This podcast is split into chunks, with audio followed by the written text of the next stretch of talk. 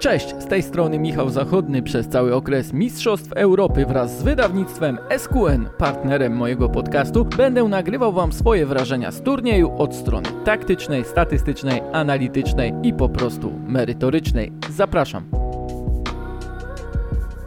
Po sobotnio-niedzielnych spotkaniach jednej ósmej finału Mistrzostw Europy widzieliśmy ile znaczy energia. Tak, po prostu energia. Dzięki niej Duńczycy dosłownie przejechali się po Walijczykach, Włosi mieli jej najwięcej w dogrywce i też dzięki zmianom Roberto Manciniego, a Czesi do meczu z Holendrami przystąpili tak naładowani siłą i energią, tak zdecydowani, tak zdeterminowani, że w odpowiednim momencie potrafili wyczuć swoją okazję i zaskoczyć przeciwnika, całkowicie zdominować go fizycznie, no i awansować do ćwierćfinału. Jeszcze innym przykładem tej energii był mecz Belgów z Portugalczykami. W kwestii oceny poziomów i znaczenia tego aspektu w grze trzeba wziąć pod uwagę wysokie temperatury w Sewilli, zmęczenie turniejem, ale też kwestie taktyczne.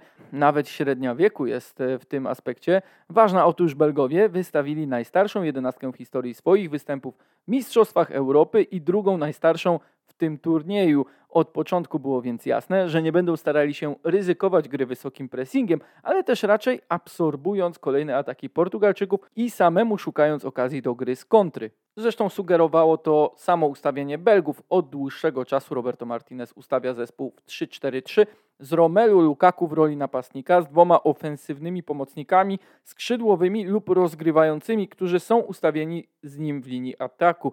Ich rola jest ważna, ponieważ operują bliżej środkowej osi boiska, mają dzięki temu więcej swobody i przy zaangażowaniu wahadłowych mogą częściej współpracować i z zawodnikiem w bocznej strefie, i z napastnikiem. Ale też w tym turnieju widzieliśmy, jak różnych profilami zawodników wykorzystuje w tych rolach Martinez. Z Rosją obok Lukaku zagrali Carrasco i Mertens. Z Danią zaczęli w tym samym zestawie, lecz przy dominacji rywali już w przerwie Martinez dokonał zmiany. Za Mertensa wszedł Kevin De Bruyne i odmienił kompletnie losy spotkania, a przed upływem godziny gry za Carrasco pojawił się jeszcze Eden Hazard. De Bruyne odmienił losy tego spotkania, ponieważ operował już za dwójką napastników, łącząc środkowych pomocników z atakiem albo poprzez e, podania, albo samemu wprowadzając piłkę wyżej.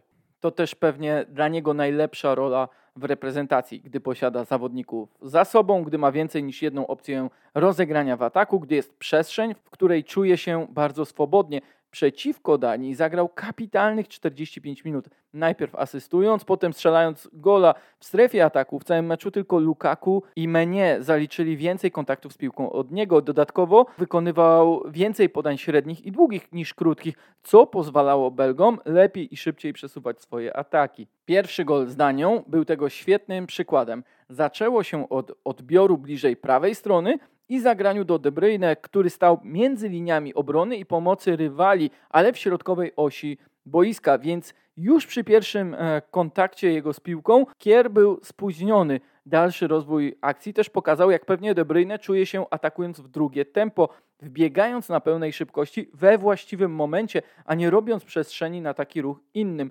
Drugi gol to też świetnie pokazał, bo w początkowej fazie ataku De Bruyne był kompletnie z dala od akcji, a jak to wyczuł, gdzie jest przestrzeń, by nabiec na odegraną piłkę od Azarda, tylko dodało mocy jego uderzeniu. Z Finlandią De Bruyne zagrał już jako jeden z dwóch środkowych pomocników, co było logiczne, biorąc pod uwagę to, jak nisko ustawieni byli rywale, jakiego rodzaju rozegrania wymagało to w ataku pozycyjnym. Jednak przeciwko Portugalii Martinez wrócił do podobnego rozwiązania w ofensywie, które zastosował na Mistrzostwach Świata przeciwko Brazylii w ćwierćfinale. Tu mała dygresja, bo obejrzałem w ostatnich dniach dokument BBC, który angielska stacja stworzyła w tym roku i wypuściła tuż przed Mistrzostwami Europy. W dokumencie Whistle to Whistle o Roberto Martinezie pojawia się m.in. wątek zmiany taktyki właśnie we wspomnianym meczu e, na Mundialu. Meczu, który okazał się takim kluczowym w tej drodze Belgów do trzeciego miejsca na świecie, ale też rozwoju tej konkretnej e, drużyny. Zarówno Martinez, jak i jego zawodnicy mówią, że w dniach przed tym spotkaniem z Brazylią poświęcił tylko 20 minut na treningach, by przestawić zespół z 3-4-3 na 4-3-3 i w tym systemie Lukaku atakował z prawej strony, Hazard z lewej, a De Bruyne ze środka. Poprzez właśnie tego typu ustawienie Belgowie bardzo stawiali na fazy przejściowe, bardzo dużo. Poświęcono oczywiście też analiz e, taktycznych już na odprawach, by pokazać o co konkretnie e, chodzi. Natomiast nawet to sprawiło, że, co przyznał Azard we wspomnianym dokumencie, cała drużyna była zdziwiona, że ostatecznie na ten właśnie system 4-3-3 zdecydował się Martinez. Zresztą nawet historia pierwszego gola jest ciekawa, choć to ten drugi, czyli trafienie De Bruyne z pokontrze i strzale z dystansu więcej mówi o korzyściach tej zmiany. O tym jednak zaraz, bo to Vincent Company opowiadał o tym, jak do Manchesteru City, w którym wówczas grał, przyjechał jeden z trenerów reprezentacji Brazylii i opowiadał o tym, jak podobnie broni przy stałych fragmentach gry e, właśnie drużyna e, Brazylii do Manchesteru City, a Company dokładnie wiedział, jak wykorzystać i którędy wbiec E, na dośrodkowywaną piłkę, by skorzystać z bardzo niskiego ustawienia strefy oraz e, braku zawodnika, czy też braku zdecydowania zawodnika na pierwszym słupku. Oczywiście skończyło się golem samobójczym, ale to wbiegnięcie tego obrońcy spowodowało chaos przy bliższym słupku. E, bramki Brazylijczyków. Drugi gol no to już klasyczne wykorzystanie tego zaangażowania bocznych obrońców e, reprezentacji Brazylii i podciągnięcia akcji przez Lukaku, odegrania do Kevina De Bruyne, znów wbiegającego e, ze strefy środkowej, wbiegającego z głębi pola. Ale jeszcze jedna rzecz była wspólna między meczami z Portugalią i z Brazylią. Belgia miała w nich szczęście. Wcale nie broniła rewelacyjnie. Wyniki goli oczekiwanych są zdecydowanie na korzyść przeciwnych zespołów. Lukaku zresztą mówił, że jeśli chodzi o defensywę, on w tym meczu z Brazylią miał zajmować po prostu konkretną strefę e, jako prawy napastnik w 4-3-3, e, strefę 10 na 10 metrów, niekoniecznie broniąc aktywnie. Podobnie z lewej strony zachowywał się Eden Hazard, co powodowało, że w defensywie Belgowie de facto bronili siedmioma zawodnikami, a atakowali głównie wspomnianą e, trójką. I tak jak wtedy w Rosji, tak teraz w Sewilli, było to bardzo pragmatyczne e, zwycięstwo. Zwłaszcza, że przeciwko Portugalii Martinez odwzorował ofensywę i powód był oczywiście podobny, tak jak w Brazylii. Zawsze Marcelo poprzez jego zaangażowanie w ofensywę był problemem dla swojej defensywy, bo zostawiał duże przestrzenie, tak jak przy drugim golu strzelonym przez De Bruyne, który już opisałem, tak w Portugalii prawa strona została wskazana jako słabość. I to zrozumiałe, bo Bernardo Silva już w meczu z Niemcami, który skończył się klapą Portugalczyków pokazał, jak fatalnie broni przeciwko wahadłowemu, dzięki czemu Gosens zaliczył kapitalne spotkanie. Z kolei Diogo Dalot zaliczył dopiero drugie spotkanie w reprezentacji Portugalii. Wcześniej wchodząc na 11 minut przeciwko Francji, a w kadrze znajdując się wyłącznie przez wypadnięcie João Cancelo, e, który, co oczywiste, wydawałoby się, że znacznie lepiej zachowałby się e, w sytuacji e, przy golu na 1 do 0. Bo przecież właśnie tamtą stroną Belgia poprowadziła atak, który zakończył się jedynym golem. Dziwi oczywiście pasywność, zwłaszcza Silwy, który najpierw pozwolił na długie zagranie do Lukaku przy wysokim pressingu Portugalii, nie wiedząc do końca do kogo podbiec e, i doskoczyć e, w konkretnym momencie, a potem bierność Dalota, który wolał za wszelką cenę trzymać linię obrony, niż wyskoczyć do Torgana Azarda. Jeszcze prawego obrońcę można tłumaczyć tym, że za jego plecami stał Lukaku, ale już fakt, że Silva nie wrócił za swoim rywalem, był jeszcze większym powodem, dla którego Portugalia straciła gola. Jednak chciałem w tej akcji podkreślić rolę Kevina De Bruyne, ale wcale nie dlatego, że była ona jakaś wielka, ale przez to, że była właśnie marginalna.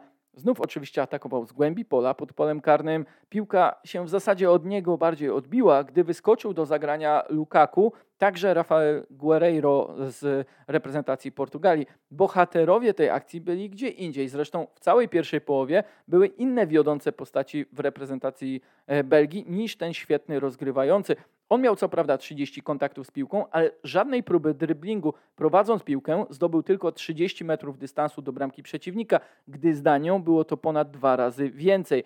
Generalnie w 4-1-4-1 Portugalia bardzo dobrze opiekowała się nim. Zwłaszcza robił to Joao Palinia, aż do brzydkiego faulu w końcówce pierwszej połowy, który może kosztować De Bruyne dalszy udział w turnieju. Przy tak indywidualnym kryciu w konkretnej strefie i pressingu De Bruyne miał ogromne problemy ze znalezieniem sobie przestrzeni, odwróceniem się z piłką i wykonaniem podania do przodu. Zbyt często schodził do boków, nie był zbyt widoczny w pierwszej połowie. Jednak wobec taktyki Belgów to było kluczowe zadanie dla Portugalczyków powstrzymać zawodnika, którego rywale nie mają kim jeden do jednego zastąpić. Bo przecież w całym zestawie gwiazd Roberto Martineza nie mają drugiego takiego pomocnika, nie tylko umiejętnościami, ale przede wszystkim profilem.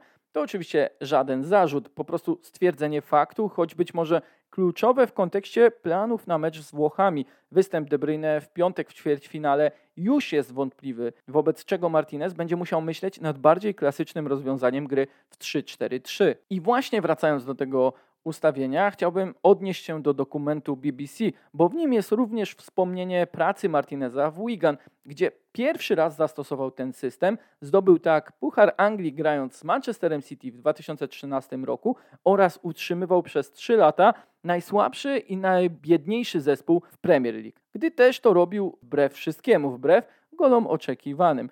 Wtedy tylko Wigan tak grało, miało dużo silnych i szybkich zawodników, różnorodne role w ofensywie. Później było tak również w Evertonie, nawet kończąc swoją pracę e, w drugim z tych klubów, po nieudanym sezonie jego zespół zdołał dojść do półfinału Pucharu Ligi i Pucharu Anglii, co prowadzi do wniosku, że może więc w ten sposób zarządzania i systemem, i podejściem do konkretnych przeciwników sprawia, że Martinez jest idealnym trenerem dla drużyn turniejowych. Oczywiście te dwa kluby nigdy nie miały możliwości dominowania nad przeciwnikami, nie miały nawet aspiracji do gry w ten sposób, który teoretycznie mają Belgowie. Mówię oczywiście teoretycznie, ponieważ widać po tym zespole, że jest bardzo doświadczony, a więc świadom poświęcenia, jakiego czasem wymaga konkretne wyzwanie. I tak było w Mundialu w Rosji 3 lata temu, tak było również przeciwko Portugalii. Na tym może trochę cierpieć właśnie De Bruyne w określonych meczach i o ile jeszcze wystąpi w tym turnieju.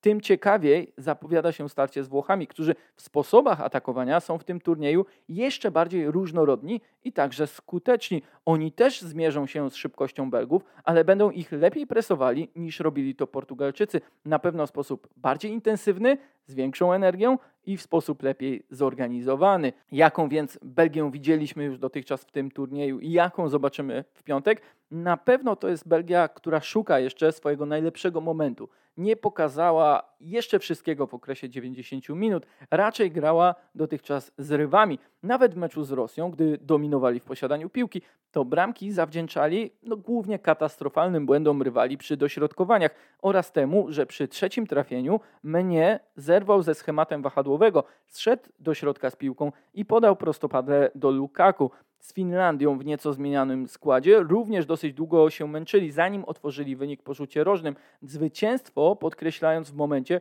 gdy rywale już znacznie bardziej się otworzyli. Oni wciąż lepiej czują się grając z przestrzenią, choć byłoby uproszczeniem sprowadzenie ich tylko do tego aspektu, zwłaszcza z takimi piłkarzami. Jednak bez De Bruyne może okazać się, że ten sposób atakowania będzie przez nich jeszcze częściej stosowany, przynajmniej w meczu z Włochami z Włochami, którzy potrafią bardzo agresywnie presować, grać bardzo wysoko ustawioną linią obrony i zwłaszcza blokując e, środek pola, gdzie właśnie e, w przewadze 3 na 2 przy odpowiednim e, systemie, mogą zyskiwać e, częściej piłkę, mogą mieć więcej możliwości, a w osobie Jorginho będą mieli też konkretne zabezpieczenie dla defensywy. Oczywiście wszystko pod warunkiem, że ta energia zostanie utrzymana również e, jeśli chodzi o kontekst pressingu, który nie był aż tak znaczący w meczu z Austrią. I w tym sensie wydaje mi się, że Włosi, chcąc wygrać z Belgią, mają jeszcze trochę do nadrobienia, a przede wszystkim do nawiązania e, występami do tego, co zaprezentowali w fazie grupowej. We współpracy z wydawnictwem SQN i księgarnią Labotiga zapraszam do klubu książki, w którym polecam różne lektury. Było ich już e, kilka. Tym razem, w nawiązaniu do jednego z bohaterów ostatnich kilkunastu minut tego odcinka, chciałbym wyróżnić książkę Michaela Coxa, która dotyczy przemiany taktycznej Premier League. Właśnie taki jest tytuł tej pozycji, a ona sama opowiada o pierwszych 25 latach Ligi Angielskiej po przemianie, jaka zaszła na początku lat 90. Przemianie za sprawą obcokrajowców, wpływów, pieniędzy i myśli szkoleniowej, otwarcia się na kontynentalną Europę i dziś dzięki temu mamy najlepszy piłkarski produkt na świecie. Jednak ważne jest również poznanie kontekstu tych zmian poprzez poszczególne postaci. Wśród nich jest również Roberto Martinez, choć jak sami przeczytacie, jego związek z wyspami jest nietypowy, bo tak wcześnie się e, zaczął i tu również odwołam się do dokumentu BBC, dlatego warto e, jego historię e, obejrzeć czy też o niej przeczytać. Wszystkiego nie będę zdradzał, jednak Cox pokazuje ciekawą rzecz. W książce o taktyce i sposobie gry głównie opowiada przez pryzmat zdarzeń oraz osobowości, które nie tylko czystym mówieniem o wyższości e, jednego systemu nad drugim potrafiły mocno zmieniać rzeczywistość w Anglii. Jest tam wiele fachowych uwag, połączonych i z historiami, i z anegdotami, które zebrane w całość dają tak ważny kontekst dla wydarzeń nawet na tych mistrzostwach Europy. Jestem tylko ciekaw, czy sam Cox planuje rozszerzenie o kolejnych 5 lat, a aktualizację po tym ostatnim okresie, gdy do ligi weszli kolejni trenerzy ze światowego topu, a i same trendy nieco się zmieniły.